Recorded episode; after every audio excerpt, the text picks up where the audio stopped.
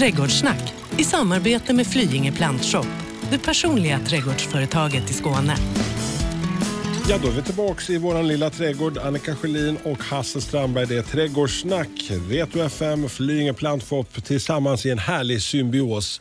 Hur har trädgårdsveckan varit Annika? Jo, den har varit trevlig. Alltså jag gräver och gräver och gräver och gör en massa saker i min trädgård eh, hela tiden. Alltså det är ju mitt eh, nöje kan man säga. Har du eh, ändrat inställning till rosor efter förra veckan med Anna?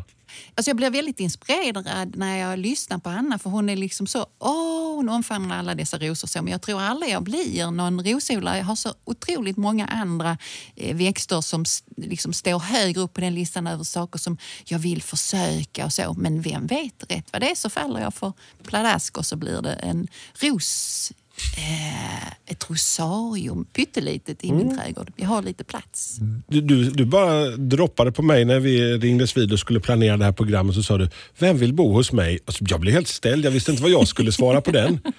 Och sen sa alltså det handlar om trädgården. Okej. Okay. Ja. ja. Det, det, eh, hur tänker du här Annika? Eh, jo, alltså det här med hur man väljer växter. Eh, vi, I min värld vi pratar ju om ståndort. Och egentligen så handlar det om växtplatsen. Alltså, växter har ju olika krav på den, det stället där de ska bo. Och Vissa har väldigt många krav och andra har lite färre krav och så. Men om man börjar i det när man ska tänka växter, vad har man liksom att erbjuda då? Men det här med växtplatsen eller ståndorten då, det har liksom med jorden att göra. Vad har jag för jord? Vatten vatten. Hur vattenhållande är den här eh, jorden? Hur är det med näringen där? Hur är det med temperaturen i jorden? Det är till exempel så att en styv lerjord kallas för kall. För den, det tar mycket längre tid för den att värma upp sig på våren och lite så. Det är ofta mer näring i den än i en sandjord som är lätt och som värms upp tidigt på säsongen. Så det är liksom lite om temperatur. Sen har det med vinden att göra. Eh, om man blå, blåser rackan som man bor kustnära eller så och inte har liksom någon ridå och så, så har det, liksom, det tillhör liksom växtplatsen då. Och så självklart ljuset. Om man bor eh, i en tallskog så blir det ett speciellt ljus om man inte tänker ta bort några tallar, vilket jag hoppas att man inte gör. Eller så bor man i ett alldeles nybyggt område där det inte finns någonting som är högre än de husen som finns där. Är det enplans då, då liksom är det inte så mycket skuggor mer än nära husväggarna och så. Det är liksom ljuset. Och så självklart mikroklimatet. Ja, jag skulle precis mm. fråga det. Fast man brukar prata om att varje plats kan ha, alltså det kan vara nästan ja. både en och två ja. olika klimat ja. inom en stor ja. villatomt till exempel. Ja. Om man har en kuperad tomt eller så, så kan det vara så liksom att, att det, här med kylan, att det nästan glider ner för backen och så är det liksom kallare eh, där nere och det är våtare där nere kanske för att man har ett fall som gör att vattnet oftare står kvar där längre och sånt. Det är liksom lite om mikroklimat. Sen kan man påverka det. Som du har en jättebautasten så magasinerar den ju värme eh, som den sen avger och så. Och det påverkar också lite, lite grann. Men det är sånt som kan få att det liksom tippar över åt rätt håll. Som ah, men jag testar den här plantan här för att jag har ett mikroklimat som ändå gynnar den. Så ståndort är det man brukar prata om? Ja, växtplatsen. Liksom. Hur mycket vill jag göra för att en växt ska trivas? Vad ska jag tänka? Hur mycket arbete ska jag behöva lägga ner? Mm. Och då är, det är vi inne kanske på både ståndorten och mm. alltihopa. Mm. Det är ju, för mig är det väldigt stor skillnad eh, på att eh, ha en växt som överlever och en som trivs. Nej, men det, låter, det låter inte ja, dumt ändå. Eh, någon gång när jag har hållit föredrag och så, så kan jag stå och säga, och då är jag ibland ganska kategorisk för att göra saker lite tydligare och kanske mer lättförståeliga, så kan jag ju då säga att på den och den jorden så hade jag hellre satt en syren än en rhododendron eftersom eh, den här jorden är en styv lerjord eller där är mycket ler i den. Jag förväntar mig inte att en, en rhododendron eh, ska bo där. Och så är det någon vän av ordning som, som säger då till mig att ja, men jag har rhododendron i min styva lerjord och det går jättebra. Ja, alltså då måste jag ju självklart backa eh, och säga att ja, men det, det går eh, säkert jättebra. Men jag tror egentligen inte på det. För då, om jag hade fått se den rhododendron så var det nog, en sån som precis överlevde. Jag förväntar mig inte att den trivs och blir så där jättevacker som jag skulle vilja ha den. Och jag vet att kunder som pratar med mig då och så väljer de kanske en växt och sen så trivs den och blir jättefin. Då blir de ju väldigt glada. Eh, mycket gladare om jag säger att ah, men, men ta den, den gillar ju du och så sätter de den och så blir den mycket fulare än vad de förväntar sig. Då kommer de tillbaka inte alls glada. Så därför så, mm, jag försöker skjuta folk, åt, eller skjuta folk, jag försöker fösa folk åt rätt håll. Överlevnad och trivsel, två mm, olika sidor på myntet. Mm. Ibland så är det ju så att vi har pratat om det här programmet att man kan ju bo på ställen som är, är lite mer komplicerade, ställer lite mm. mera krav. Mm. Eh, om man bor då på ett sånt här ställe som har ett svårt läge och man blir lite villrådig då när mm. man ska ge sig ut i den där trädgårdsdjungeln och kanske mm. anlägga en ny trädgård eller mm. börja mm. plantera nytt i en befintlig trädgård. Om man går runt i kvarteret, om det nu är något uppvuxet där, så kan man ibland få en hint om vad som trivs. För att om, om det, låt oss säga då just rhododendron, om det finns mycket rhododendron i det kvarteret där man bor och de ser fina och bra ut och välmående så, då är det ju sannolikt att man själv också kan ha det.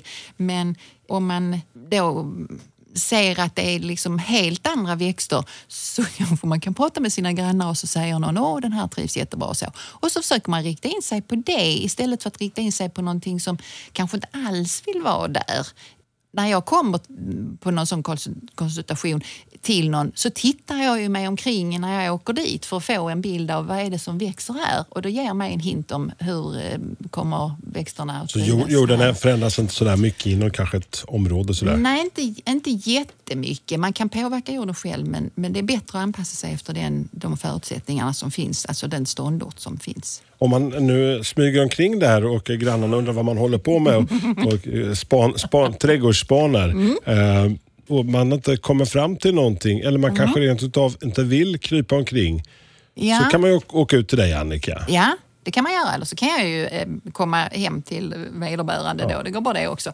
Eh, om man nu kommer till mig eller till någon annan på Flying Plantshop så vet man ingenting. Men man, har, man kan ju beskriva liksom läget och kanske var man bor och sånt så kan vi vara hjälpta utav det. Om man inte alls vet någonting om jorden så kan man också göra så att man gräver en bit ner i jorden, alltså låt säga 20 centimeter Man tar med sig en pusse med jord till dig? Ja, och det behöver absolut inte vara en stor pusse utan det kan vara e- ett litet jordpuss, kanske på några olika ställen i trädgården. Ja. Då kan vi ju självklart inte säga någonting om näringsinnehållet i den jorden. Såklart. Mm, för det ser man ju inte. Men vi kan ju i alla fall säga någonting kring strukturen. Är det här en, en jättelerig jord eller är det en väldigt sandig jord eller är det en fantastiskt bra jord strukturmässigt och så. Så det, det, det, kan man, alltså där kan man liksom börja om man nu inte vet liksom alls vad det handlar om för någonting. Vi är ju mitt inne i semestertid och man har kanske tid om man inte är ute på den lilla charterresan och tar tag i sitt lilla trädgårdsprojekt. Om man nu står där och tänker så att mm, den är lite skral den här trädgården. Jag skulle vilja få den mer frodig. Jag skulle vilja mm. få den lite mer svulstig. Det ser lite torrt och lite kort och mm, mm. trist. Kort och torrt, ja. man kan, jag. Ja, man kan bearbeta jorden eh, och jordförbättra. Och då gör man ju klart det bara där man ska ha rabatter. Och när man tänker rabatter så tänker jag ju oftast större proportioner. Alltså en rabatt som är 40 centimeter bred närmast huset och så, det är inte en bra eh, rabatt för någon. Eh, för det är liksom torrt och eländigt och en husgrund och, och lite sånt där. Så att det är hellre ta i då eh, och ha färre färre planteringar men lite större så. Och sen så att man då jordförbättrar dem med kompost eller kogödsel eller barkmylla eller rock. Det är ju det här med att få till en luckor jord så att växterna har lätt för att etablera sig. Eh, så på parkeringen, om man nu har gjort en jättestor eh, parkering till sina bilar och sen så tänker man usch vad mycket sten det blev. Och så vill man då, nu ska vi sätta någonting jättefrodigt och så ska man sätta ett träd där och så gräver man upp en platta 40 gånger 40 och söker liksom få ner ett träd där. Det är ingen bra miljö för det trädet utan ta i och sen så gör man stora... Man bygger ingen fin relation till sitt träd på det sättet? Nej, inte, inte så bra. Det blir inte så långvarigt i alla fall. Men du, alltså den här, du, du pratar ju ofta om den lilla styva lerjorden, Annika. Och att, för mig låter det som jättesvårt. Alltså det är både tungt arbete att gräva den där eh, tjocka, kompakta, näringsrika. Hur kan man göra för att jordförbättra den? Det lättaste är egentligen att, göra, att naturen får sköta en del utav det. Om man nu höstgräver en lera, alltså spade är det jag pratar om nu, ja, så liksom vänder man upp den jorden så slås den lite sönder när den fryser och sen så blandar man i eh, kogödsel eh, på våren till exempel. Och då liksom jämnar man till hela härligheten och så. Eh, så. Så har man förbättrat den. Att försöka gräva en sån styv våt lera på våren är mycket, mycket svårare Alltså det att jobba i onödan. Så, så vänd liksom runt stora spadtag på hösten när du nu ska göra en ny rabatt och sen så myllar man ner eh, det här eh, kogödseln eller så på våren. Och så blir det en härlig doft av våren och fin stämning mellan grannarna. Nej, det är inte alls. Alltså, det luktar lite illa ett, ett kort tag om man nu tycker att det luktar illa och det får jag väl hålla med om att det, det luktar ju i alla fall inte gott. Eh, men det, alltså, det försvinner ju väldigt snabbt. Det är lite flyktiga dofter. Ja, det är det. Ja, precis. Annars ska man alltid tända en tändsticka så för den här svaveldoften Ja. göra jobbet. Ja. Andra varianten som vet du pratar om, det är sandjord ofta Ja. pratar du om. Går den och hur kan man jobba med den för att förbättra den? För den är ju kanske inte lika näringsrik som din maffiga, härliga, goa lerjord. Nej, där vill man ju ha en mer fuktighetshållande förmåga i den jorden. Och det bra är då att man kan använda samma produkter eh, som man använder till den styva leran, det vill säga barkmylla och komposterad kogödsel för att få till lite mer fukt i den jorden, alltså mer humus liksom, eh, som, som gör den jorden bättre. Och då är det väl så glädjande att om man nu har en sandjord, vilket jag bor på nu, eh, så är det ju väldigt lättarbetat måste jag säga, eh, till skillnad från den styva lerjorden eh, då. Har man en befintlig trädgård så går de här produkterna även att använda genom att liksom bara mylla ner lite åt gången, alltså under säsongen och så kan man göra det fram till midsommar ungefär. Så får man lite extra näring av kogödseln och så och ner. En liten kulle i den lilla trädgården för att förbättra dräneringen har jag hört talas om att man skulle kunna göra. Det är, alltså det är faktiskt en ganska bra idé många gånger. Eh, Det är så? på- Ja, alltså de här, inte kull... Men jag tänker en liten, mindre, men en liten, så en liten upphöjning. Ja, och då upphöjningen, för upphöjningens skull hade jag hoppat över. Eh, för det, alltså, om man ska få någon effekt av en kulle i trädgården då får den vara ganska stor. För när du, du sätter dina plantor på den lilla kullen så kommer inte kullen att synas och varför då ha den? Har man en lättare jord så gör ju dessutom den här lilla kullen då att det blir ännu mer väldränerat och det vill vi ju inte. Men däremot är det ju ett bra trick att använda om man bor på en mer fuktighetshållande och för fuktighetshållande jord och så kanske du vill odla någonting som inte tycker så mycket om det. Då hade jag inte gjort någon kulle eller släntaktigt för det är mycket svårare att sköta sidorna på den. Det är liksom fram och baksidor på Ja, den här kullen då. Och var ska gräsmattan sluta och börja så. Men däremot om man gör en kant, eh, om nu kullen inte blir en kulle utan det blir en liksom upphöjning med en kant utav stålplåt, korten till exempel, eller sten eller något sånt. Då höjer du ju upp din eh, plantering ovanför den här dödtråkiga, tunga, blöta jorden. Och då plötsligt så har du ju förändrat lite av det här mikroklimatet och gjort det gynnsammare för en del plantor som du kanske vill ha. Så utnyttja eh, det här med att höja upp om man har lite jox. Och det är många nybyggda villaområden på lerjordar där man liksom har skalat av matjord och sen så lägger man på väldigt lite eh, tillbaka och så är det packningsskador jättevanligt på tomten då. Eh, då kan man använda det eh, liksom trixet, höj upp rabatterna lite och få bättre eh, jordmån. Men naturligtvis måste man ju liksom gräva neråt också. Det räcker ju inte med fem centimeters upphöjning. Men Vem, vem, vem som vill bo hos oss, det är eh, temat för det här eh, avsnittet av, av Trädgårdssnack. Då tänker jag faktiskt också växtplats, Annika. Alltså, vad, vad, vad- för att eh, man kanske har en komplicerad trädgård som inte behöver vara så komplicerad beroende på Mm. att växterna har placerats på fel växtplats helt enkelt från början. Ja, det ser jag inte helt sällan. Att man gör det svårare för sig än vad det behöver vara. Och Det kan ju vara för att när man valde de här växterna eller om man tog över en trädgård eller så som någon annan har valt det, så har man ju valt kanske mycket med ögat. Åh, den är ju så snygg och den blommade då och den var fantastisk. Och den, den var ju ändå bättre och så här. Och så sätter man samman de här växterna som kanske inte alls vill vara i samma typ av växtplats då, eller ståndort. Om man istället om man nu bygger nytt och gör en ny del av trädgården eller en ny rabatt, samlar ihop växter som vill vara på samma förhållande så har man vunnit mycket i att det blir mer lättskött när man gör på det sättet. För då kan man liksom hantera alla på samma vis kan man säga. Behöver man en mer skyddad plats till ett, ett visst gäng med växter så kanske man kan åstadkomma det i sin trädgård på just den ytan genom att ja, ha en hög häck eller ha en, ett spaljéplank som silar vinden eller något sånt där. Och plötsligt har du skapat en miljö som har väldigt bra förutsättningar för ett gäng med växter och då är det där de ska vara. Vad det, alltså går det att förstå vad jag menar? Absolut. Ja, vad skönt.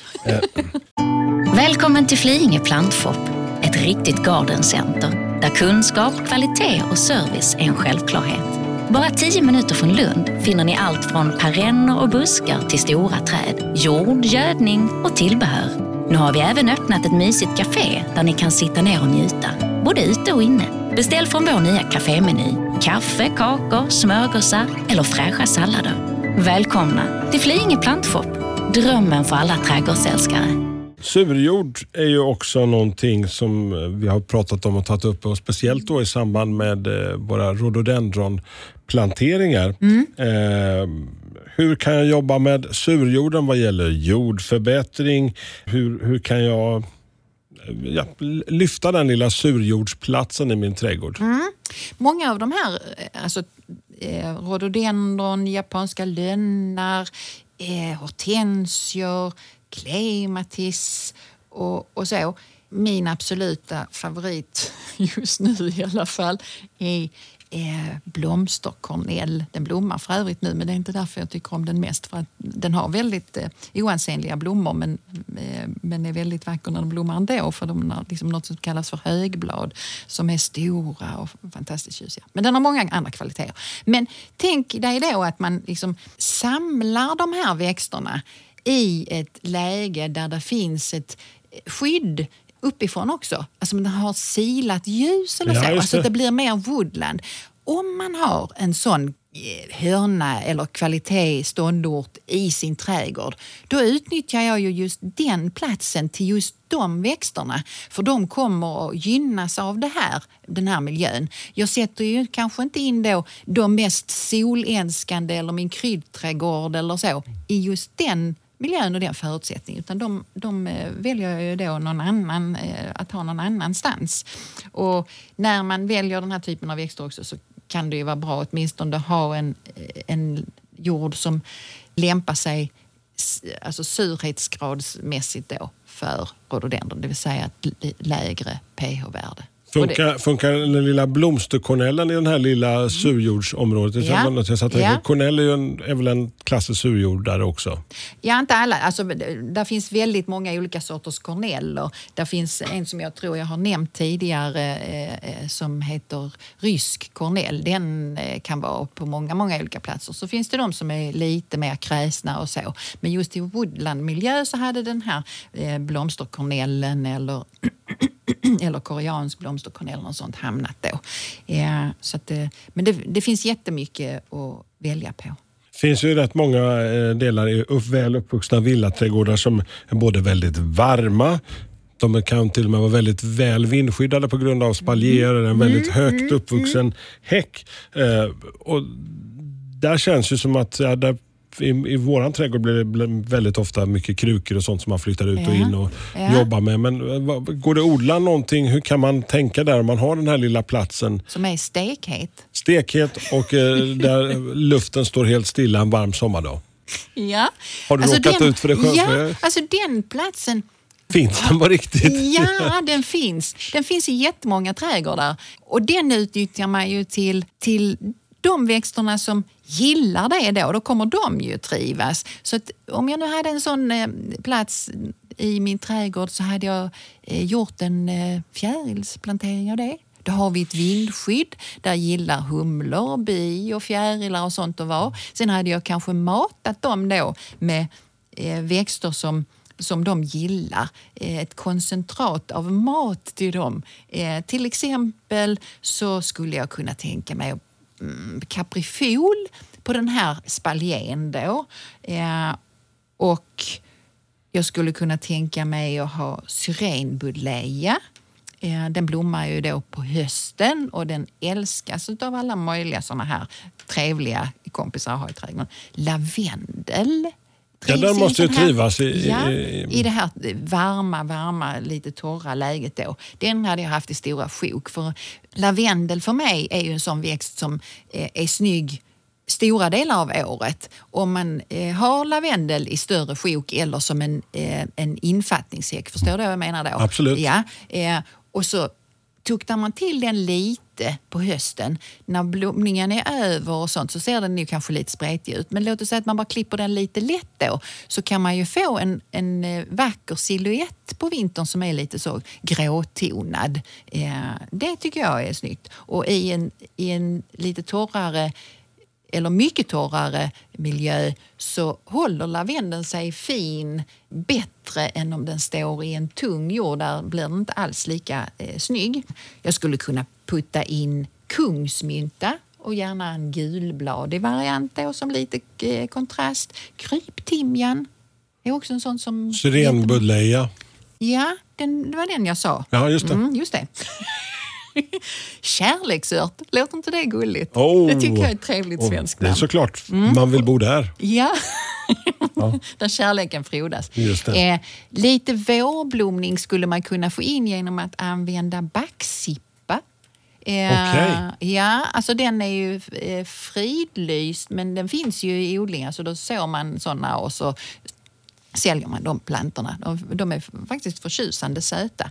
Så då har du liksom en, en solälskande, torktålig rabatt i den här miljön som är sån. Och då kommer ju de här växterna att trivas där och bli jättefina. Mycket finare om du hade satt dem i det andra läget som vi pratade om precis. Där hade de inte alls trivts lika bra och inte blivit lika lättskötta då naturligtvis anspråkslöshet i en trädgård. är det ditt paradnummer? Vad sa du? är det ditt paradnummer? Ja, det är det. På temat det är inte lätt att vara ödmjuk och allt det där. Just det. Ja, men du, eh, alltså, vissa växter brukar du, har du sagt till mig någon gång mm. Eh, emellanåt, mm. är mer anspråkslösa än andra. Ska vi ja. förklara vad, vad, du menar? Ja, när man pratar om ståndort så är det så att då är det ju de här olika faktorerna då med jord, vatten och ljus och, och, och så. Så finns det ju vissa som har Alltså alla de här fem, sex punkterna måste stämma för att den här växten ska trivas och bli fin,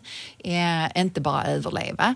Eh, men så finns det de växter som har en bred sån, alltså de, du kan ta bort några av de här kraven och ändå få en fin växt. Alltså de har en bredare bredd för vad de kan trivas och bli fina. De är liksom vad jag då, eller vi kallar för anspråkslösa Eh, de är inte helt utan anspråk men, men eh, de, I sammanhanget så är de ändå så? Ja. ja. Och det finns ju faktiskt ganska många och det är de jag gärna rekommenderar när jag kommer ut till de här nybyggda villaområden där det kan vara väldigt öppet och blåsigt och inte så mycket annat som har kommit upp och så. Då är det bättre att gå på det anspråkslösa än de som vill ha liksom, överståndare och silat ljus när det inte finns någonting i luften som är högre än en halv meter.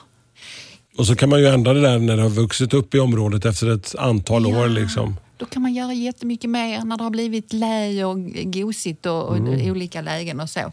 Men ett litet träd, om jag börjar i den, som skulle kunna vara eh, eh, alltså räknas till anspråkslösa. Det finns ett gäng som heter prydnadsaplar eller purpuraplar.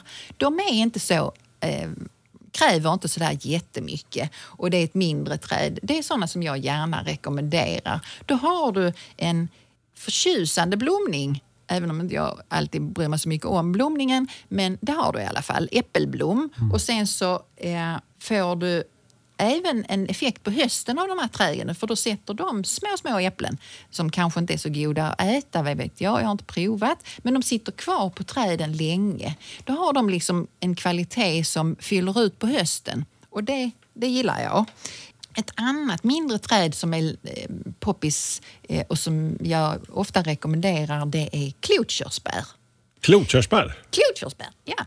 Då har du, det är väldigt eh, så, formstarkt. Liksom. Det får en väldigt, väldigt rundad krona. Det är ett litet träd, det får plats på, i många mindre trädgårdar och så. Och till typ moderna funkishus eller sånt. Så, Bär frukt såklart? Eh, ja, det gör de, men de, de alltså, ganska lite i förhållande till andra körsbär.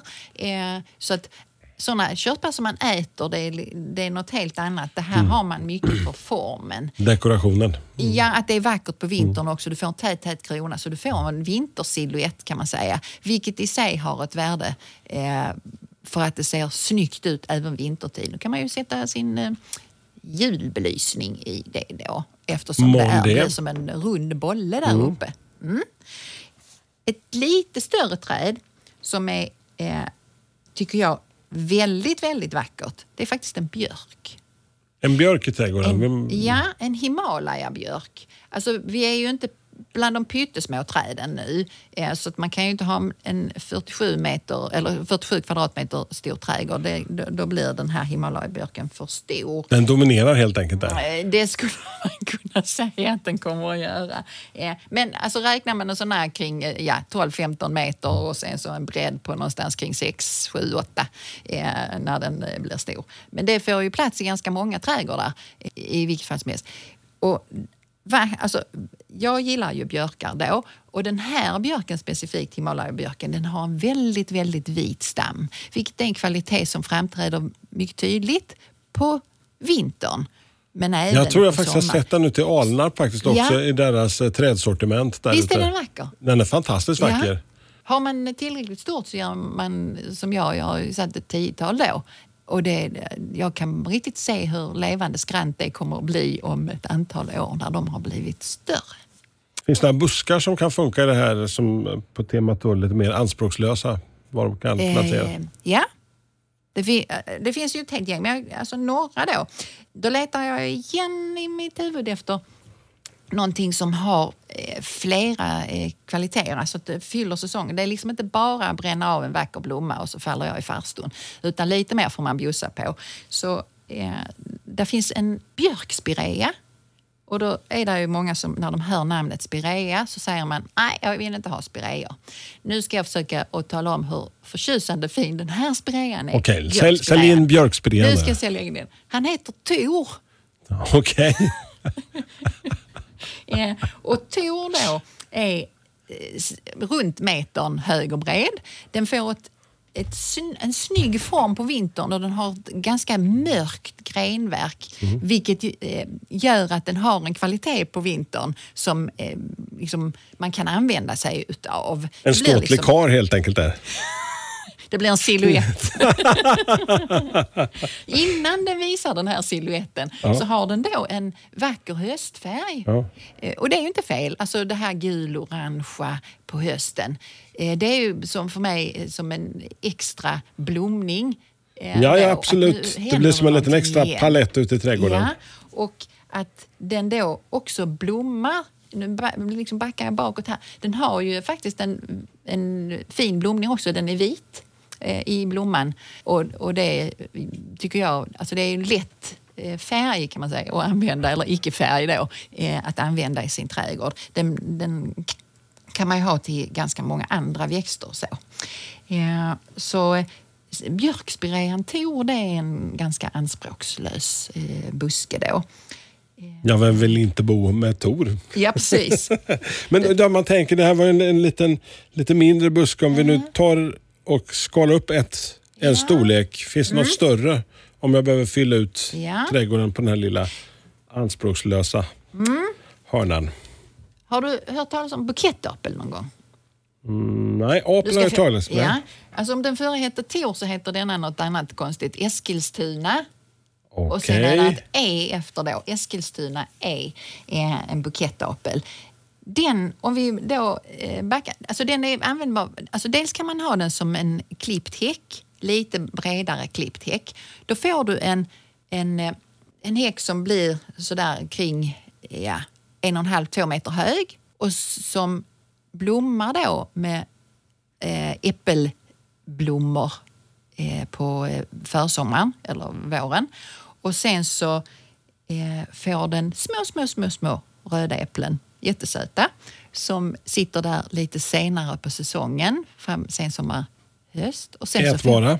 Ja, om man nu vill äta dem så... Alltså man blir ju inte... Alltså man kan äta dem, men jag vet inte om det är så gott. Men det är säkert någon som kan göra både sylt och saft och, Eller ska man göra någon liten. Ernst-installation med sina små röda äpplen. Liksom. Nej, alltså bara en sån kvist. Alltså de är förtjusande Ja. söta. En liten dukning och så tar man in den kvisten och ja, lägger in. Ja, till exempel. Du är lite så händig i hemmet. Ja, jag har, alltså, jag har en sån smyg-Ernst i mig.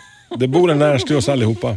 Du, Annika, Den här, jag måste säga en till sak om Eskilstuna. Och det är att den dessutom kan få lite sån vacker höstfärg. Att den slår om.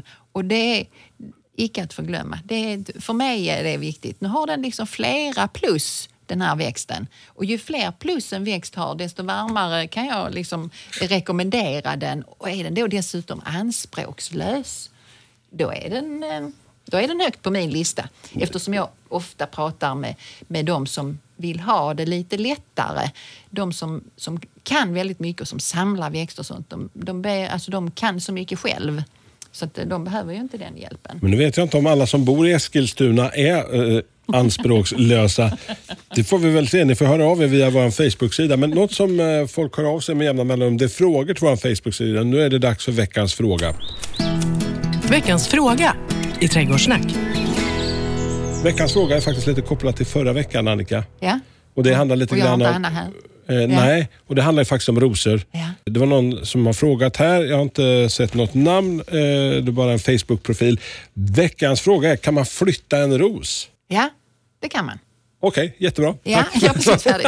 Men nu, nu ska du få reda på. Ett bra sätt att göra det på, det är ju att, att man lite förbe, förbereder den här rosen. Så låt oss säga nu att vi ska, nu tänker vi göra en ny rabatt nästa vår. Då hade jag senare i år, alltså framåt sensommar, höst, så hade jag tagit en rejäl spade och sen hade jag huggit rätt ner ungefär en 20-40 centimeter från rosens mitt. Så jag Okej. har huggit där runt då, hugger jag av lite rötter och då kommer den här rosen att sätta många fina sugrötter. Lite som beskärning ovan. Att, eh, om du klipper din ligusterhäck.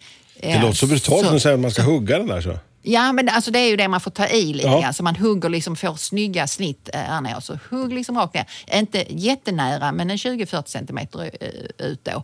Och sen så gräver man till våren nu då och flyttar den här rosen tidigt. Och sen ser man till så att man precis som vid annan nyetablering eh, vattnar eh, rejält. För då har du ju lite mer rotmassa och förväntat eh, lite mer ovanjord också. Och sen så normal beskärning eh, då. Att, eh, man, liksom, man kan beskära den innan man, alltså på hösten också och klippa ner den lite grann. Och sen så gör man en, en liksom slutbeskärning då eh, när man har flyttat den på våren. Jag hoppas att det var lite svar på tal. Och är det någon som har några kluriga frågor, någonting ni har gått och funderat över, så gå gärna in via Trädgårdssnacks Facebook-sida och ställ frågan där. Nästa vecka så, så ska vi ta fram den stora penseln, Annika. Färg och form. Ja, form och färg. Fingerfärg. Nej, det blir det inte. Nej. Utan det, det blir lite annat tänk kanske. Trädgårdssnack i samarbete med Flyinge Plantshop. Det personliga trädgårdsföretaget i Skåne. Veckans powerdeal hos Swedol. Jalas!